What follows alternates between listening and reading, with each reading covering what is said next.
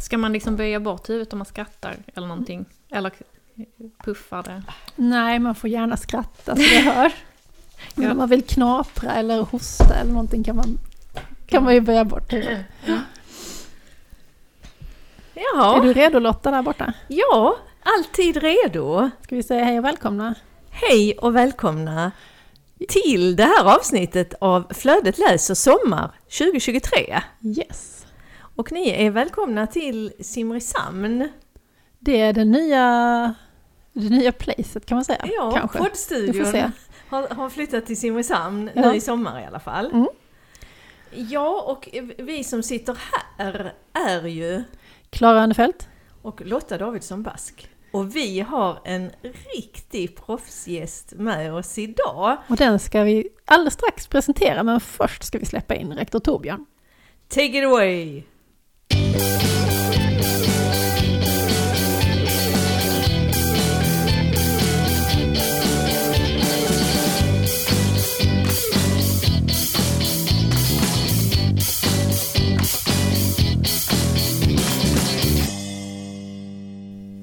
Så, nu får du presentera gästen. Ja, nu ska jag då presentera Sara Mauritsson. Hjärtligt välkommen! Stor Tack så fanfar. mycket. Vi Som är ära att få vara här. Ja, men vi är så Jag har glada. gått och väntat på inbjudan. Ja. Är det kom den, ja det är klart Ja. jag har. Så ringde du inte och sa hallå, får jag komma? Mm, Jag tyckte jag skickade något meddelande någon gång om någon liten här. Någon liten En hint. trevare Och som vi, inte vi fattar. Nej, vi fattar Typiskt. lite trögt. Nej, vi är lite autistiska Eh, men då, de flesta av er som lyssnar på detta, ni vet vem, vem Sara är, men vi vill ju gärna berätta vem du är i relation till oss. Mm. Först, eh, och du är ju en proffskollega till oss. Du är skolbibliotekarie i Veberöd mm. på två skolor, eller hur? Mm. Och det har du varit sedan 2009. jättelänge. Så du är liksom en, precis som vi, som fortsätter att hålla på. Mm. Och trivs med det. och trivs med det. Det är härligt. Eh, Men förutom att du är skolbibliotekarie så är du också författare. Hurra! Och, ja, hurra! Och eh, du fick ju faktiskt Slangbällan eh, som är eh, Författarförbundets debutantpris. Och det, det fick du nu 2023 ja, under Littra Lund. Mm. Delades det ut. precis. Då var vi superstolta. Det var ju, alltså ni var ju tre som var nominerade och alla tre var ju super jättebra. Men vi var ju Verkligen. såklart glada att det var du som vann. Och vad fick du det priset för? Jo, det fick du för boken Silvermannen som kom ut eh, 2022 på Bonnier Carlsen. Mm. Och det är faktiskt det som är vår gemensamma bok idag. Mhm. Men jag tänkte att är det någonting mer du vill berätta om dig själv innan vi kör igång? Oh, vad ska jag välja då? Ja, men jag kan ju berätta lite hur, hur det började. Ja, med gärna. att- att skriva och så. Och det började redan när jag jobbade på en förskola. Sommarjobbade typ, jag tror det var i gymnasietiden eller högstadiet. Så eh, fick jag läsa böcker för, på barn ju som man gör mycket när man jobbar på förskola. Och då kände jag bara, men wow, det här är verkligen en jättemysig värld att gå in i. Och vi har inte läst jättemycket hemma. Vi hade typ tre bilderböcker som vi läste om och om igen när jag var liten. Det var pannkakstårtan bland annat. Det var Eh, inte så ingen- skam. Nej, verkligen, det var en bra eh, upprepning. Eh, men ehm, eh, inte läst så mycket och så, men då när jag kom in i böckernas värld så tyckte jag det var helt magiskt. Och kände att nej, men det här måste jag ju liksom hålla på med. Och det var också en eh, pedagog där som sa till mig att du är jättebra på att läsa och jättebra på att berätta berättelser utanför läsning, alltså hitta på berättelser för barnen. Så det var lite där det började. Sen så fick jag också förtroende av en, eh, eller eh, uppmuntran av en lärare i svenska på gymnasiet som sa också att ta tillvara på din berättande röst, det, där finns någonting där. Det är väl härligt med Ja. de där lärarna som har sett oss. Precis. Det bär man med sig hela livet. Mm. Men det verkar vara några olika sådana personer genom ditt liv som har sett dig och Ja, sagt till dig att gå vidare. ja, precis. Och sen har det ändå tagit lite tid för mig att göra det Mm. eh, på, på allvar. Innan jag känt att jag haft någonting att berätta också. Eh, vilket jag kände att jag behövde ha lite livserfarenhet och någonting att ösa ur. Mm. Mm, och ett djup. Ja, och sen har man hela livet också som håller på under. Exakt, men det har ju hänt del saker på vägen som har tagit fokus Ja, från, exakt. från hobbies. Ja. Mm. Men nu jobbar du alltså halvtid som skolbibliotekarie och skriver på halvtid då? Ja, precis. Det är en satsning jag har gjort. Eh, för att jag vill åka med det här tåget nu. Mm. När jag har en, ett kontrakt på tre böcker och eh, förlaget ville att det skulle inte gå längre tid än ett år emellan de kom ut. Så kände jag att ja men då, Mm. då satsar jag på det här nu och går ner och jobbar halvtid. Och tvåan har ju redan kommit, eller hur? Ja, tvåan kom ju i april. Och när kommer trean? I maj 2024. Ah, Mm. Spännande. Mm. Och, du, och du skriver med papper och penna? Eh, när, jag, när jag antecknar, men, men jag skriver på dator. Men jag antecknar mycket med papper och penna och på tapetrullar. När du sitter ute i skogen? Ja, bland annat. Ja. Härligt. Mm. Ja, vad säger ni töser? Är vi redo? För Silvermannen, Och ta oss an Silvermannen. Vad är det vi har framför oss? Ja, det är en, eh, det är en bok med ett väldigt vackert omslag. Och på det här omslaget så är det ett eh, träd och det är en, eh, en liten pojke och en hund. Mm. Och den här pojken heter ju Lillo. Mm. men är det en pojke? Ja, det är ju det precis. Jag, oj, jag skulle säga det. Att det är ju lite olika vad man tycker om det, om det är en flicka eller pojke. Men för mig är det en pojke. Eh, men, men för många är Lillo en flicka. Men, men eh, apropå det, så min eh, dotter har haft den här i sin bokklubb. Mm. Och då hade, de, eh, då hade hon lyckats spåra upp att det typ kanske på två ställen så står det hans Ja. eller något. För att hon tyckte ju att Lillo var en flicka. Mm. Men sen hade hon blivit förvånad när hon hade läst det här. Hon är väldigt noggrann läsare, så hon hade liksom sett att på ett par tillfällen så finns det faktiskt hans eller något liknande. Ja. ja, och det var ju en, en grej. Jag visste ju inte från början vad det skulle vara, om det skulle vara en tjej eller kille. Och i den skrivkursen jag gick så de läsarna jag hade där, de, de tyckte 50-50. Några tyckte att det var en tjej och några tyckte att det var en kille. Mm. Och så ville jag att det skulle vara eh, öppet eh, vad det var. Men sen så tyckte min förläggare att det är svårt att prata om, om personen om man inte eh, vet vad det är. Eh, och eh, om det inte skulle vara en hänbok, för det, det ville jag liksom inte heller. Jag ville mer bara liksom lämna det öppet för Ja. vad man tyckte.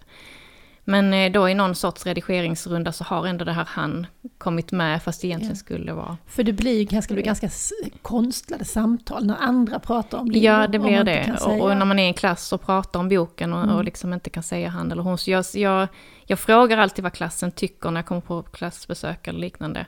Och då är det ofta 50-50 vad de tycker. Och så säger jag att för mig är Lillo en han, men det får vara precis vad man... Men det är väl Känner för. fint Ja. att, att man kan fantisera själv lite. Precis. Men det är ju en annan viktig eh, figur här, det är ju hunden. Mm. Och det är ju inte vilken hund som helst, det är en Jack Russell Mm. som heter Jessie. Och de har ju en väldigt eh, nära eh, relation.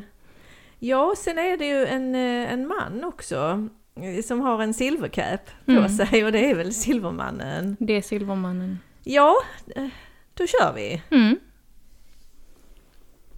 Ja, den här boken handlar ju alltså om Lillo som bor i ett samhälle som heter Heidafors. Och eh, han bor i ett hus som beter sig lite konstigt. Huset blir argt och emellanåt slänger huset ut Lillo. Och när boken börjar har han precis blivit utslängd och han står där eh, under takskägget liksom, för det regnar. Och han känns som ett väldigt ensamt barn, men han har ju hunden såklart. Och det är ju tur det. Ehm, Och hunden blir ju också utslängd. ja, när- när huset hunden, är springer, hunden är ju där han är, så hunden följer efter. Ja. Mm. Ehm, sen har Lillo också en kompis i skolan, vad är det nu han heter? Ivan. Ivan är det ja. Mm. Som är snäll. Och Ivans familj har också lite vakande öga på Lillo känner man, så att det finns lite så. Men så flyttade in en granne i huset mitt emot. Och det är Tor. Och Tor är väldigt stor och väldigt snäll. Eh, han kan också bli läskigt eh, arg. Mm. Men han är så snäll så man kan ändå stå ut med att han blir arg. Och han börjar ju ta hand om Lillo lite grann och märker att det är någonting särskilt med Lillo. Men det som också händer i Heidafors vid denna tiden, eller som har hänt innan boken började är att stan har invaderats av grodor. Det är grodor överallt. De bara hoppar överallt på gatorna. Och det är så mycket grodor så man kan inte ens gå utan att kliva sönder en groda. Och Det är är- superläskigt. Ja. Och det är de här sakerna som sätter igång äventyret. Grodorna och Tor, kan Mm. man säga. Mm. Och det är ju Lillo som pratar till oss. Mm. Lillo är ju eh, berättaren. Mm. Så vi ser det här händelseförloppet Mm. genom eh, Lillos ögon. Sen är det, det är några personer till som är ganska viktiga. Det är ju en, eh, en som går i samma klass som Lillo som heter Elliot. Mm. Som inte är särskilt snäll. Nej, Som, han är förfärlig. som drar med Lillo på grejer och lurar in honom i, i, i, i tråkigheter. Mm. Och ehm, vi ska säga också om det är någon liksom, ny Flödet läser-lyssnare här, att nu kommer vi att spoila den här boken. Så har man inte läst den och vill inte bli spoilad innan man läser den så kan man bara pausa nu och så kan man läsa och så kan man lyssna klart sen efteråt. Mm. Det är så mysigt att höra er prata om boken. Jag sitter här och njuter bara. Och just det att vi ska prata om boken i sin helhet och få spoiler känns väldigt roligt.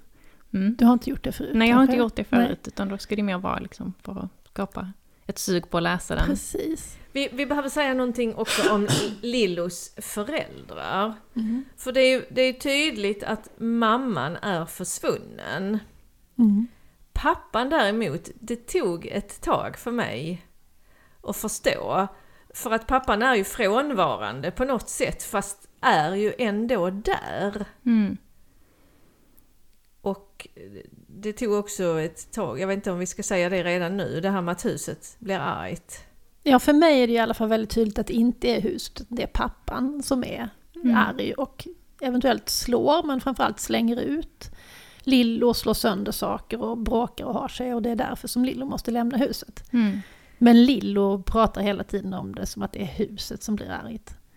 Lillo berättar ju inte Men jag för vet någon. inte, vad säger, och du har ju pratat om den här boken med barn, vad säger de? Är det tydligt för dem att det är pappan? Ehm, Det är väldigt olika. Eh, Vissa ser det ganska så direkt, att det, att det, att det är liksom någon där inne som är våldsam, eller att det då antagligen är pappan. Andra tänker att huset lever och att det inte alls hör ihop att pappan inte ens är där. Mm. Så att det, är- det är väldigt olika Mm. hur de ser på det. Mm. Och så tänk- Vilket är spännande att höra. Ja. Jag tänker ju mycket på hur, hur pappan har blivit sån. Att han sitter där uppe, att han, ja, att han mår dåligt. Ja, han, han rumstrerar mycket på ovanvåningen där Ja. han lyssnar på radio och är frånvarande. Och att Mm. han eventuellt dricker kanske. Mm. Det vet vi inte heller om han Nej. har psykisk ohälsa. Men han, han har inte förmåga att ta hand om eh, sin son i alla fall. Jag tror att han har blivit arg på frun då, mamman, Lillos mamma som har lämnat dem som har försvunnit. Mm. Ehm, och alla bilder är ju också, där, där hon finns med, är ju hon bortklippt. Mm. Ja, det Ehm, finns en låda längst in i klädkammaren där det Mm. finns foton. Där. Alla hennes ansikten är borta. Ja. Nu har jag ju läst tvåan också. Det är Ja. lite, lite svårt att... Jag, jag är lite rädd att jag blandar ihop saker som händer Ja, i tvåan. jag, jag sitter också och tänker här Ja. hur... hur för det vi- finns ju fina minnen liksom från en tid innan. det finns Som, det. eh, där, där de var en hel familj där pappan inte var så här. eh, Ja, och sen också det här med... ehm, eh, eh, ehm, n- när jag har läst tvåan har jag tänkt att det kanske inte är pappan som har klippt bort bilden, det kanske är något annat som har hänt. Ja, Men det, vi, det, vi får se. det får vi se i Då får man trean. läsa trean. Ja. Men nu, nu kommer jag på en intressant sak. Nu har vi pratat ändå ett, ett bra tag om den här boken. Och vi har inte nämnt kopplingen till nordisk mytologi en enda gång. Och det tycker jag, det tycker jag är väldigt det. eh, bra. Eh, Den här serien heter ju Yggdrasil. Mm. Men den här serien, eller den här boken, den står för sig själv helt och hållet tycker jag. Även om, om de här kopplingarna är ju jätteviktiga. För att grannen som flyttar in är ju inte vilken Tor som helst. Nej. För när han, när han blir arg, eh, riktigt arg, så åskar det och Mm. mullrar. Mm. Så det är ju, det är ju Tor. Mm. Och Silvermannen är ju, kan vi väl också säga, ja, Loke. Ja, och så Mm. dyker det ju upp en kompis till Tor som heter Freja, Just som har två katter. Mm. Jag har bokpratat den här boken en gång i en klass och, ehm, och då sa jag ju, det flyttar in en granne som heter Tor, han är väldigt stor och så sa jag, sen, den här serien heter ju Yggdrasil. Så är det då någon som kan liksom, som gissar vad det är för en Tor? Ja men då var det ju med samma. Ja. Det sitter ju alltid ett par ungar i varje klass som är så här superintresserade av mytologi. Mm.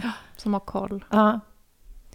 Eh, Så det, det är ju en hint, namnet på serien, Ja. vad det är för en Tor och för en Freja som flyttar in. Mm. Precis. Mm.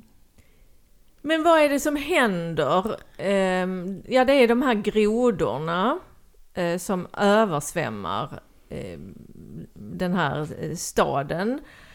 Och Lillo hittar ju hur de har kommit in, eller hur? Mm. Han hittar ju nämligen portalen till en annan värld. Ja, Tor är ju där för att, eh, eller Lillo får reda på att Tor är där för att ta reda på vad som håller på att hända, för det är något mystiskt på gång. Som har med de här grodorna att göra, men Tor har inte riktigt listat ut det. Men Lillo gör ju det och ser att alla grodor rör sig mot samma håll i Heidafors. Och följer efter dem och ser att de cirkulerar runt ett, en stor hängbjörk i skogen. Och där under finns ett konstigt fönster. Och det är den hemliga portalen. Just det. Mm. Men i, innan han hittar portalen, när han är, Lillo är på skolgården, så ser han Mm. Silvermannen. Mm. Och Silvermannen ser att Ah. han ser honom. Ja, Och det är ju inte naturligt då, för Silvermannen brukar inte bli sedd. Nej, precis. Och det är bara Lillo som ser. Och kanske också verkar det som Elliot. Precis, Elliot som är nästan tvångsartat elak Mm. mot Lillo. Mm. Han är riktigt eh, över, eh, överjävligt Ja. stygg, Mm. är han faktiskt. Så att både Lillo och Elliot har ju någon slags förmåga. Mm. Och det visar ju sig att Lillo har ett litet födelsemärke. Eller är det inte en tatuering? Eller är det ett födelsemärke? Mån, Ja, en lite, ett litet märke bakom örat. Ja. Vad det är är inte tydligt i etan. Det får ni veta i trean. Men det, det är en liten som en månskära bakom örat. Mm. Så att han, är ett han, månbarn. han, har, eh, han har förmågor. Mm. Han är ett halvblod helt enkelt. Som, Ja. som, de, som de kallas i Rick Riordans böcker. Just det, ett halvblod. Mm. Mm. Det finns ju också den här, förutom Rick Riordan så kom det ju en em, på svenska som också handlar om nordisk mytologi. Em, mm, har du läst den? Det är också mellanåldern. Nu tappar jag vad den heter. Eh, Alba-serien, eller nej? Nej, det är en kille som har skrivit den. Em, ja, i alla fall, men båda de har ju den här att de går in med ett väldigt skämtsamt eh, Alltså Rick Riordan är ju nästan, är ju nästan på gränsen mot trams. Jag tycker att han gör det jättebra. Jag tycker att jag det gillar är fortfarande trams. så spännande. Och, Det är spännande och det är roligt och det, och det, det går på rätt sida om Mm. den där gränsen. Det är tramsigt Mm. på ett smart sätt. håller med. Ehm, Men du har ju en helt annan ingång. Dina böcker är ju rätt så vemodiga tycker jag. Ja, du, jag läste eller hörde att du sa det någonstans. Ja. Och det, det är faktiskt första gången jag hör det. Eh, att någon säger att den är vemodig. Eh, men, men jag håller med, det är den ju på sätt och vis. Ja. Mm. Den är ju vackert vemodig. Ja, det var fint. ja, men jag tycker det finns liksom en allvarlig stämning. Mm. Och den här stämningen i... Alltså det är någonting jag alltid letar efter när jag läser böcker. Kanske framförallt barn och ungdomsböcker, men den där liksom stämningen i boken. Och, det, och när man läser det så vet man, nu fanns den där stämningen som jag gillar där. Men, man, men jag kan aldrig någonsin sätta fingret på vad det är, och vad är det som gör att plötsligt finns den där stämningen. Mm. I- hur, gör man, hur liksom, tänker du på någonting som det som författare? På det där med stämningen, som är så svårt att sätta fingret på men som är så tydligt när det är eller inte är.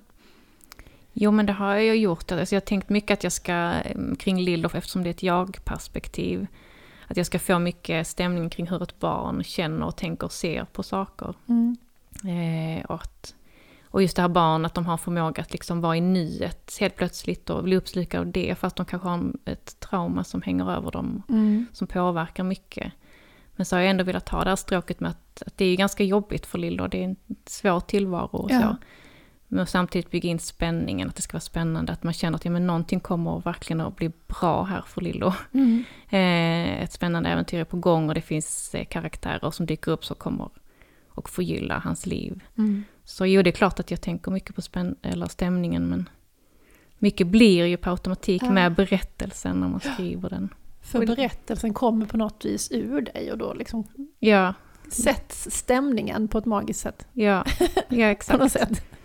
Ja. För, för Lillo, Lillo är ju...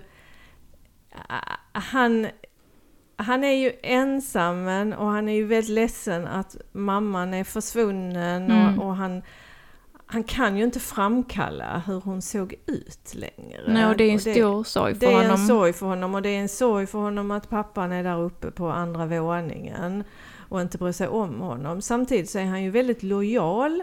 Han berättar ju inte för andra vuxna hur han har det. Nej, Han biter ihop. Och det är ju en, en scen som jag tycker väldigt, väldigt mycket om, ungefär mitt inne i boken, när Tor vill att Lillo ska uttrycka sin sorg och ilska. mm, Och Lillo har jättesvårt för detta och, och Tor eh, provocerar honom. Han verkligen vill. Och, och, och det, Tor ger honom en sten och vill att han ska kasta den. Och då till sist så, så, så säger Lillo, jag hatar mitt hus. Jag är trött på att vara rädd i mitt eget hus, ropar jag. Jag bor i ett jävla skithus. Och jag är trött på att vara ensam. Och sen så Tor eldar på där och så fortsätter han. Jag är arg för att mamma försvann. Jag är arg för att jag inte kommer ihåg hennes ansikte och för att jag inte kommer ihåg hennes namn. Och jag är arg på pappa som inte tar hand om mig. Jag är så jävla arg på pappa som alltid är arg. Och så, och så händer det, det händer någonting i honom och, och så lyfter fåglar på andra sidan sjön. Så det är liksom hela tiden är naturen kopplad också.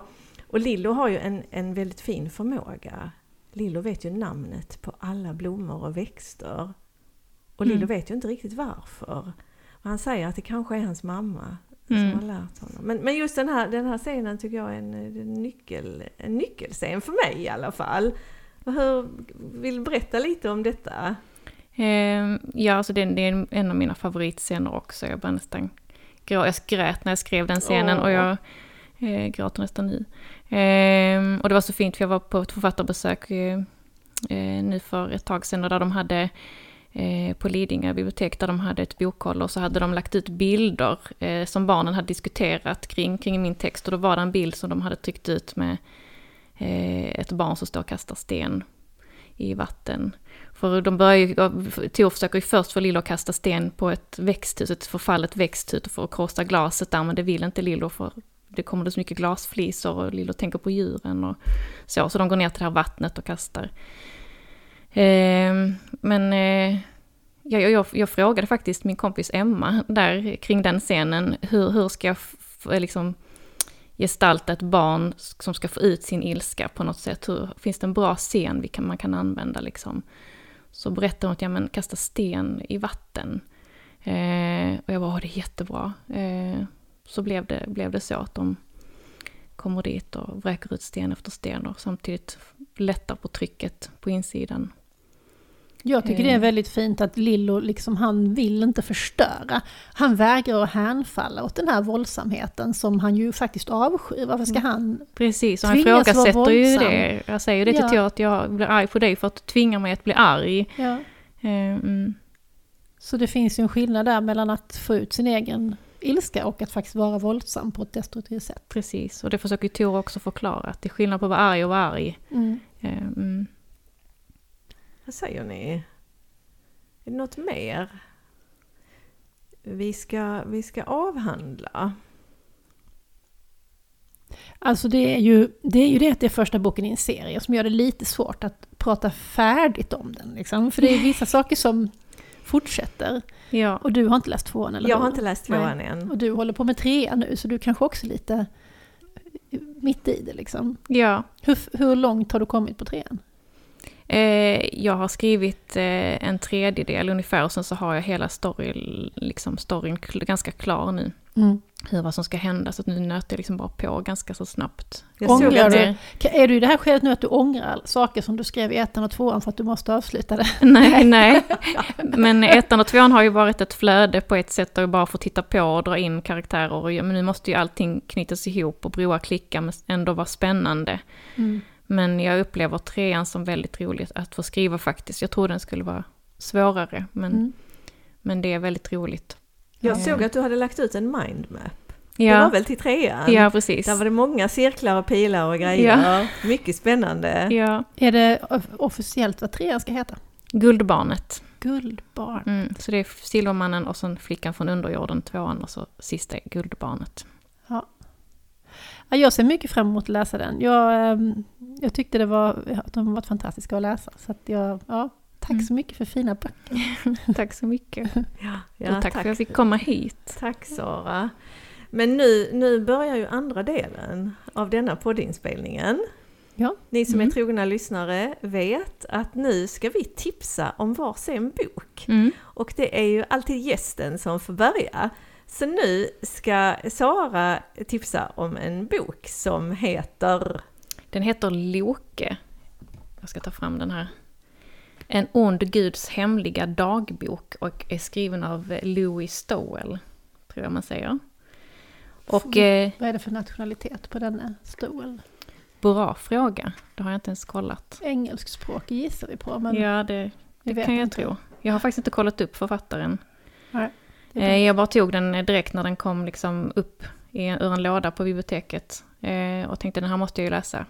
Snyggt omslag. Mycket snyggt omslag och sen så är den skriven så här som eh, eh, dagboks Aha. med liksom bilder Mm. och som dagbok med för alla mina fans och ut Molin och, och- ja. Eh, och väldigt humoristisk och bra och lättläst, liksom eller snabbläst. Även om den är ganska tjock. Och handlar den om Loke? Ja. Alltså vår Loke? Ja, ja. Japp. Det är en röd tråd. Japp. Eh, och den här eh, boken då, den handlar om Loke, alltså guden Loke är det. Och det är ganska tydligt från början. Eh, och Oden har förvisat Loke till jorden och det är ett straff, men också en möjlighet för Loke att förbättra sig och bli en liksom bättre gud. För han är ganska lömsk och elak och han ska bevisa att han förtjänar plats i Asgård nu. Eh, och eh, det som var droppen så fick Oden att liksom förvisa Loke ner till jorden var att Loke har klippt av håret på Tors fru Siv när hon låg och sov. Ja, vilken stil Ja. alltså, kass. Precis. Hennes vackra långa hår.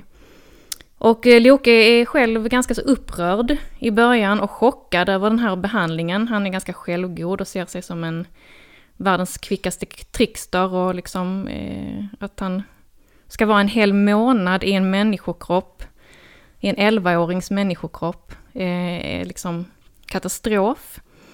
Och att han måste eh, göra massa trista moraliska saker dessutom.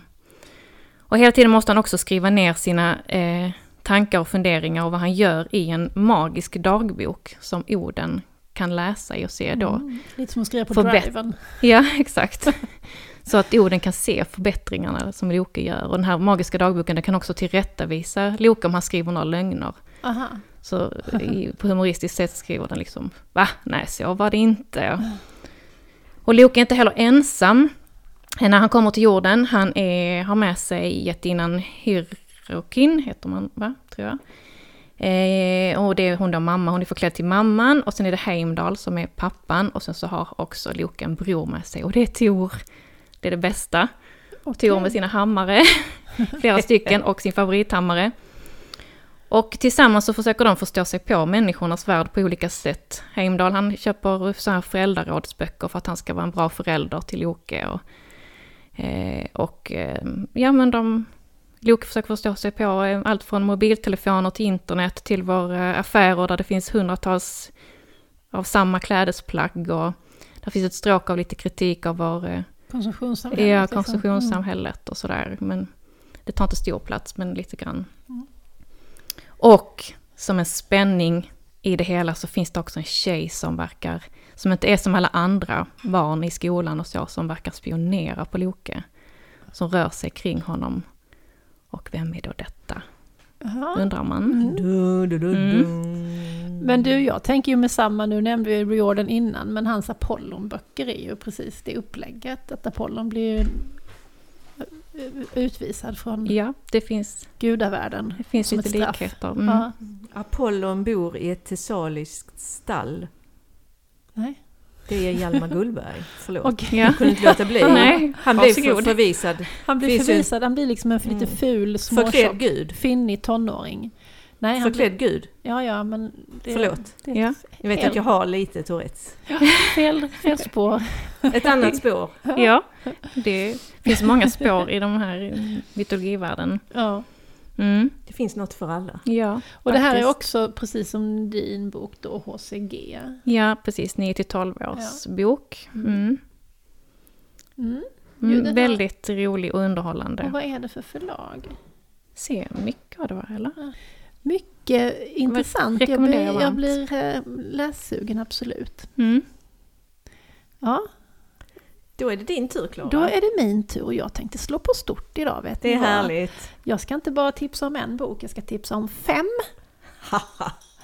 Eh, Det ligger bara fyra här på bordet för att en av böckerna är på vift. Men det är alltså en hel serie. Det är Mats Wahls Blodregns-serie. Och eh, den är, kom, har kommit ut på Natur och kultur och den kom ju ut redan eh, 2014 tror jag. 2014 kom första delen ut. Och den utspelar sig i framtiden. Eh, och jag har, jag har läst de här själv när de kom. När de, jag läste den när den kom ut, första boken. Och sen kom de ju som serier gör ut liksom med lite pö om pö. Så jag var tvungen att läsa om lite grann. Så jag har nog läst eh, de böckerna två gånger. Och sen har jag dessutom läst dem nu för mitt barn högt. Och vi är på sista boken nu. Så det är tredje gången jag Mm. läser dem. Wow. Men jag tycker att det är en, jag tycker det är en serie som är, ehm, har fått alldeles för lite uppmärksamhet. För den kom ju precis i den här dystopivågen med Divergent och Hungerspelen. När det var väldigt inne med dystopi. Men de är ju väldigt orealistiska. Det här är ju en, en dystopi som utspelar sig i Sverige. Det står ingenstans i böckerna när de utspelar sig, men det står i efterordet att ehm, ja, hur ser Sverige ut om 50 år från idag när Elin rider hemifrån? Så då kan man tänka sig att det är 2060-tal. Det nämns också någonstans att den sista champagnen skördades 20 på 2050-talet. Den är slut. Mm. Ehm, första boken är ju en slags släktfejd kan man säga. Det är Elin Holme som bor med sin familj på Liden. Och eh, där blir de eh, störda en dag av ett gäng som kommer för att eh, de vill köpa ett kullager till sin vindsnurra. För de vet om att de har köpt extra kullager av Snut-Olsson som är handlaren som åker runt. Så modern gårdfarihandlare. Eh, Men eh, Elins familj de vill inte sälja något kullager för de, ja, de har ett extra kullager men vindsnurran är ju hur viktig som helst, man är ju självförsörjande på el. Mm. Så att de vill ha sitt extra kullager för sig själva, de vägrar att sälja. Och eh, då blir den här andra familjen jättearga. Eh, lite senare så ger sig Elin och hennes bror av för att handla på det stora, helt kinesiskt ägda varuhuset. Eh, och ehm, när de är på väg hem därifrån så blir de överfallna av den här familjen. Och det som händer då är att Elin, ja, hon dräper pappan helt enkelt. Hon, I självförsvar så skjuter hon honom och han dör. Eh, och hennes bror blir tillfångatagen så det blir en, eh, en eh, ja. Sen ger hon sig ut för att befria sin, sin bror. Det blir inbördeskrig i landet för det är en totalitär stat och Elins moster Karin hon leder skogsfolket som den här ena motståndsgruppen kallas. Ehm, och i andra boken, till andra boken är det ett litet tidshopp. Då har det gått några år, då har Elin fått en dotter. Och tillsammans med den här bebisen så måste hon också ge sig ut på en lång vandring där hon flyr undan den totalitära staten. Eh, och sen flyter ehm, tredje och fjärde boken på ungefär i samma tidslinje kan man säga. Men sen till femte boken är det ett rejält hopp. För då har Elins dotter hunnit bli 16 år och är en superkänd, musik, världskänd musikartist. Och Elin, hon är, sitter i riksdagen och är på um, hon ska eventuellt bli vald till justitieminister, eller utsedd till justitieminister. Vilket hennes moster har varit innan henne. Ehm, han har ju då fokuserat på fyra saker i de här böckerna och det är saker som han ser som problem i vår samtid och det är såklart klimatförändringarna. Det är AI, robotisering. Det är gängkriminalitet. Och det är övervakningssamhället. Och de här sakerna har han ju då sett som kommande problem när han skrev de här böckerna 2014. Och när man läser dem idag så känner man bara att ja, mm. exakt.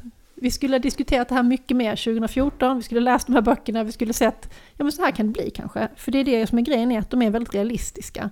Eller, det kan man ju inte veta, men de känns realistiska när man läser dem, att så här skulle det kunna bli. Så att, ehm, ja, jag skulle väldigt gärna vilja att eh, Natur och kultur gav ut den här första delen i pocket. Ja, de kom ju aldrig För i den pocket. finns inte att köpa längre, men, men de andra delarna finns faktiskt. För jag köpte dem nyligen, jag skulle kolla om de fanns på alltså, antikvariat.net, och sen upptäckte jag att de fanns på, på Adlibris och köpa nya billigare. För ryt, ryttarna har, när jag jobbade på Polhem, då dammsög vi ja. antikvariat.net ja. och, och den här andra sajten där ja. privatpersoner kan sälja och köpte upp de som fanns att köpa. Mm. Mm. Så då, den är slut men de andra finns, men, man, men de skulle kunna ge ut hela serien. Så. Absolut. Och den, den här borde bli tv-serie också tycker jag. Och ljudbok, om den inte är det. Men jag Nej, jag tror inte den, den är ljudbok det. och inte e-bok heller. Nej. Så det är en... Eh, det är en serie som håller stenhårt kan man säga. Nästan mer idag än vad det gjorde när den kom ut. För att verkligheten har kommit ikapp dem och, vi, mm. och det blir ännu tydligare att han är på spåren här på någonting som är... Ja, jag tycker alla ska läsa dem. Och det du sa om att, att de är realistiska, mm. det tycker jag var, var väldigt bra sagt. För mm. de, de skiljer sig mycket från de amerikanska dystopiserierna. Ja. Och också den här eh, konstiga high school-moralen eller dating-kulturen ja. som, som eh, liksom skiner igenom i de amerikanska dystopierna ja. jättetydligt. Den slip, det skitet slipper vi här. Mm. Ja. Det är verkliga människor. Det och nu när man tittar på framsidan människor. så ser jag, för jag har inte läst den här serien, jag, ska, jag har lånat ettan nu för att jag tänker att jag ska göra det.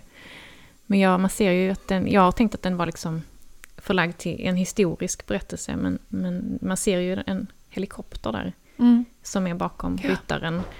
Så att det... Mm. Det är alltså ryttarna, krigarna, de eh, älskande, de levande och lagstiftarna. Så heter böckerna. Och eh, ryttarna är först då. Ja, och i och med att jag har läst dem högt nu så har jag liksom levt i den här världen så himla det blir liksom intensivare, det för det tar längre tid att läsa högt än att läsa tyst. Och sen också för att man pratar om dem och man har den här världen tillsammans med sitt barn och man kan liksom återkomma till, ja det dyker upp saker i verkligheten som bara, ja just det, mm. det där är som i, och kommer du ihåg vad hon gjorde och det var ju det som han tyckte och da, da, da, da. Så ja, jag tycker att det är en fantastisk läsupplevelse som jag unnar alla mm. människor. Stora som små. Men det här är ju tonårsklassat kan vi lägga till. Mm. Ja du Lotta, nu är det din tur. Ja, då, ehm, då ska jag plocka fram min bok.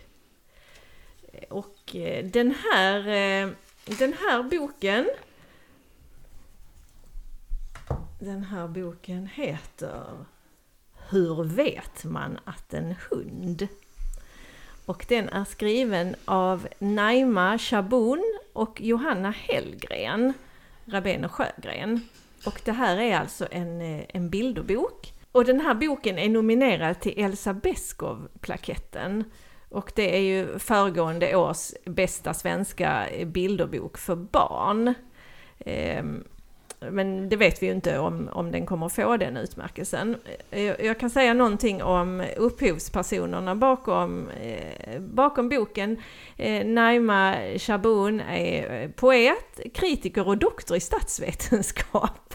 Politisk teori faktiskt. Och debuterade 2011 med en eh, diktsamling som hon också fick Katapultpriset eh, för, som för bästa skönlitterära debut.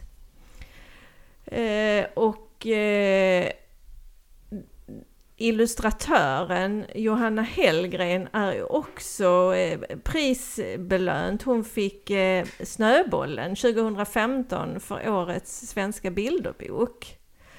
Hon har tidigare jobbat tillsammans med Åsa Lind.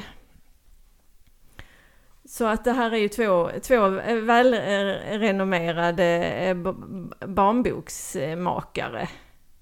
Det kanske lät dumt, barnboksmakare. Jag menade inte nedsättande barnboksförfattare mm. och illustratörer. Och det här Ja, det är en fantastiskt fin bok. Jag har läst den flera gånger.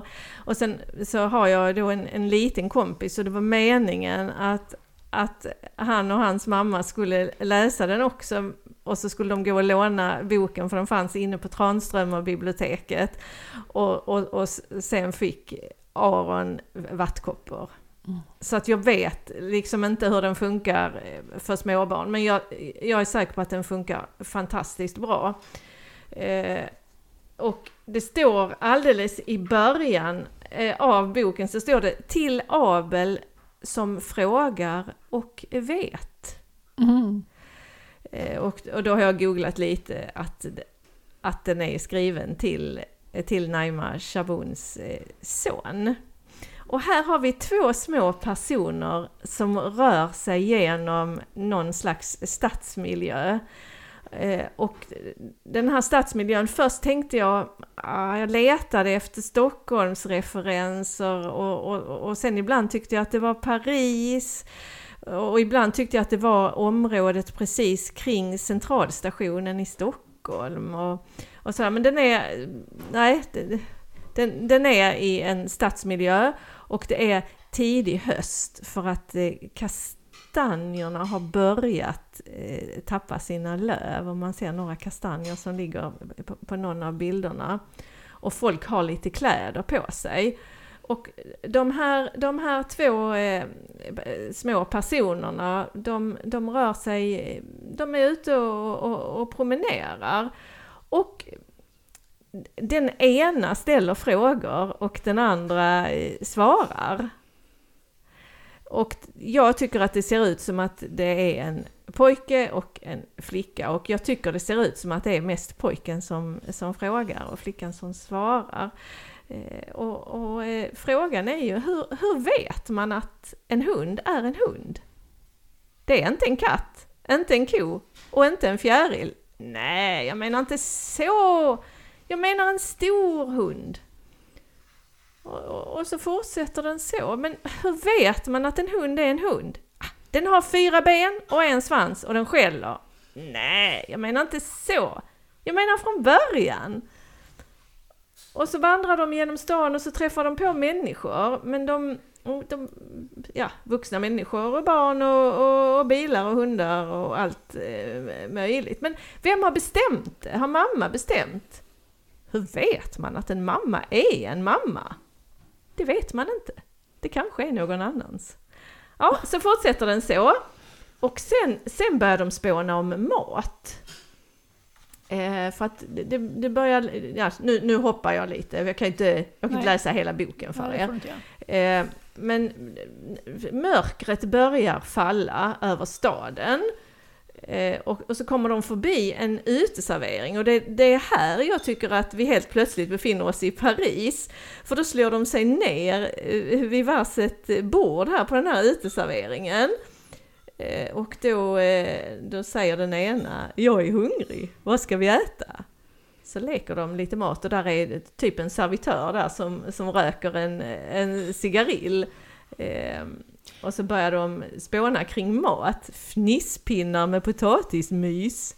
makaroniklåda med ostsås, kräksallad, stinkmacka, fjärtsoppa med fjäskpannkaka, rabarberkram med familjeglass och så vidare. Eh, ja, och sen ja, så fortsätter de och sen, så, sen blir det mörkt. Och, eh, och de, de beger sig hemåt. Eh, förstår man. Och då är det så, nu har jag inte sagt någonting om, om bilderna, men det är jättefina bild, bilder och det är dubbeluppslag hela tiden. Och det, och det, är, det är så vackra bilder och varje bild skulle kunna vara ett konstverk som hänger på väggen. Hur vet man att ett slut är ett slut?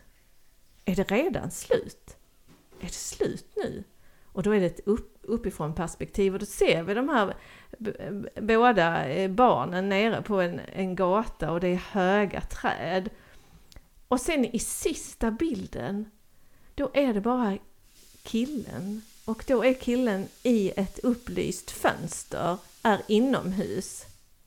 Och så är träden i förgrunden, de mörka träden. Och så står det är det verkligen slut? Men det är ju på tapeten. Och då finns... Så det är ju efter boken egentligen är slut, eller vad man ska säga. Ja, ja, vad ska... Ja. Alltså tapeten är i så fall med i berättelsen, det brukar den ju inte vara Mm. traditionellt sett. Jag så de har tycker att- utnyttjat hela. ja, de har utnyttjat hela... är det samma på, hela- f- på första tapeten, att där också är någon... Ja, Ja, här är det börjar- tydlig morgon. Den på börjar första, redan... eh, på första tapeten. tapeten. Och där är ju en eller två små huvuden. Man vet inte riktigt. Ett huvud. Ett huvud Så, det för nog. så där ser det ju ut när det är ljust ute, ser man ju inte vad som är i fönstren, då är de ju Nej. svarta. Mm. Så att det har jag funderat mycket på. Att det bara är den ena eh, figuren på, på, på sista, eh, på tapeten Då är de ju ska vi säga. kompisar, och då är de kompisar och inte syskon kan ju tänka. Kompisar och inte syskon, eller är, är hon som svarar på frågorna en fantasi? Jaha! Kan det vara också. Så att ja, fantastisk bok och den växer för varje gång eh, man läser den. Och det här är ju också en allåldersbok. Mm. Som, som bra bilderböcker är. Och den, den bär också på den frågan som jag vet jag tänkte jätteofta när jag var liten, bara hur, hur vet jag att jag är jag? Hur, hur, varför finns jag? Finns jag? Så man kunde tänka sig, man blir helt, man tittar sig själv i spegeln bara, hur kan jag finnas? Finns jag verkligen? Ja, om ingen ser mig finns jag då. Ja. Mm. Mm. Det är liksom eh, de viktiga livsfrågorna Mm. som ställs i den här boken och lite om mat. Det är också Mm. en viktig livsfråga. ju. Det är också en viktig... Och, och sen är det, jag hoppade över lite i mitten där, där det är li- lite andra ordlekar och så. Men det är ju för att jag tycker att alla ska läsa den här boken. Mm. Så får ni veta vad det är för roliga ordlekar i, i mitten av boken. Mm. Hur vet man att en hund, Naima Shaboon och Johanna Hellgren. Mm. Tack för att jag fick berätta om denna för er. Mm.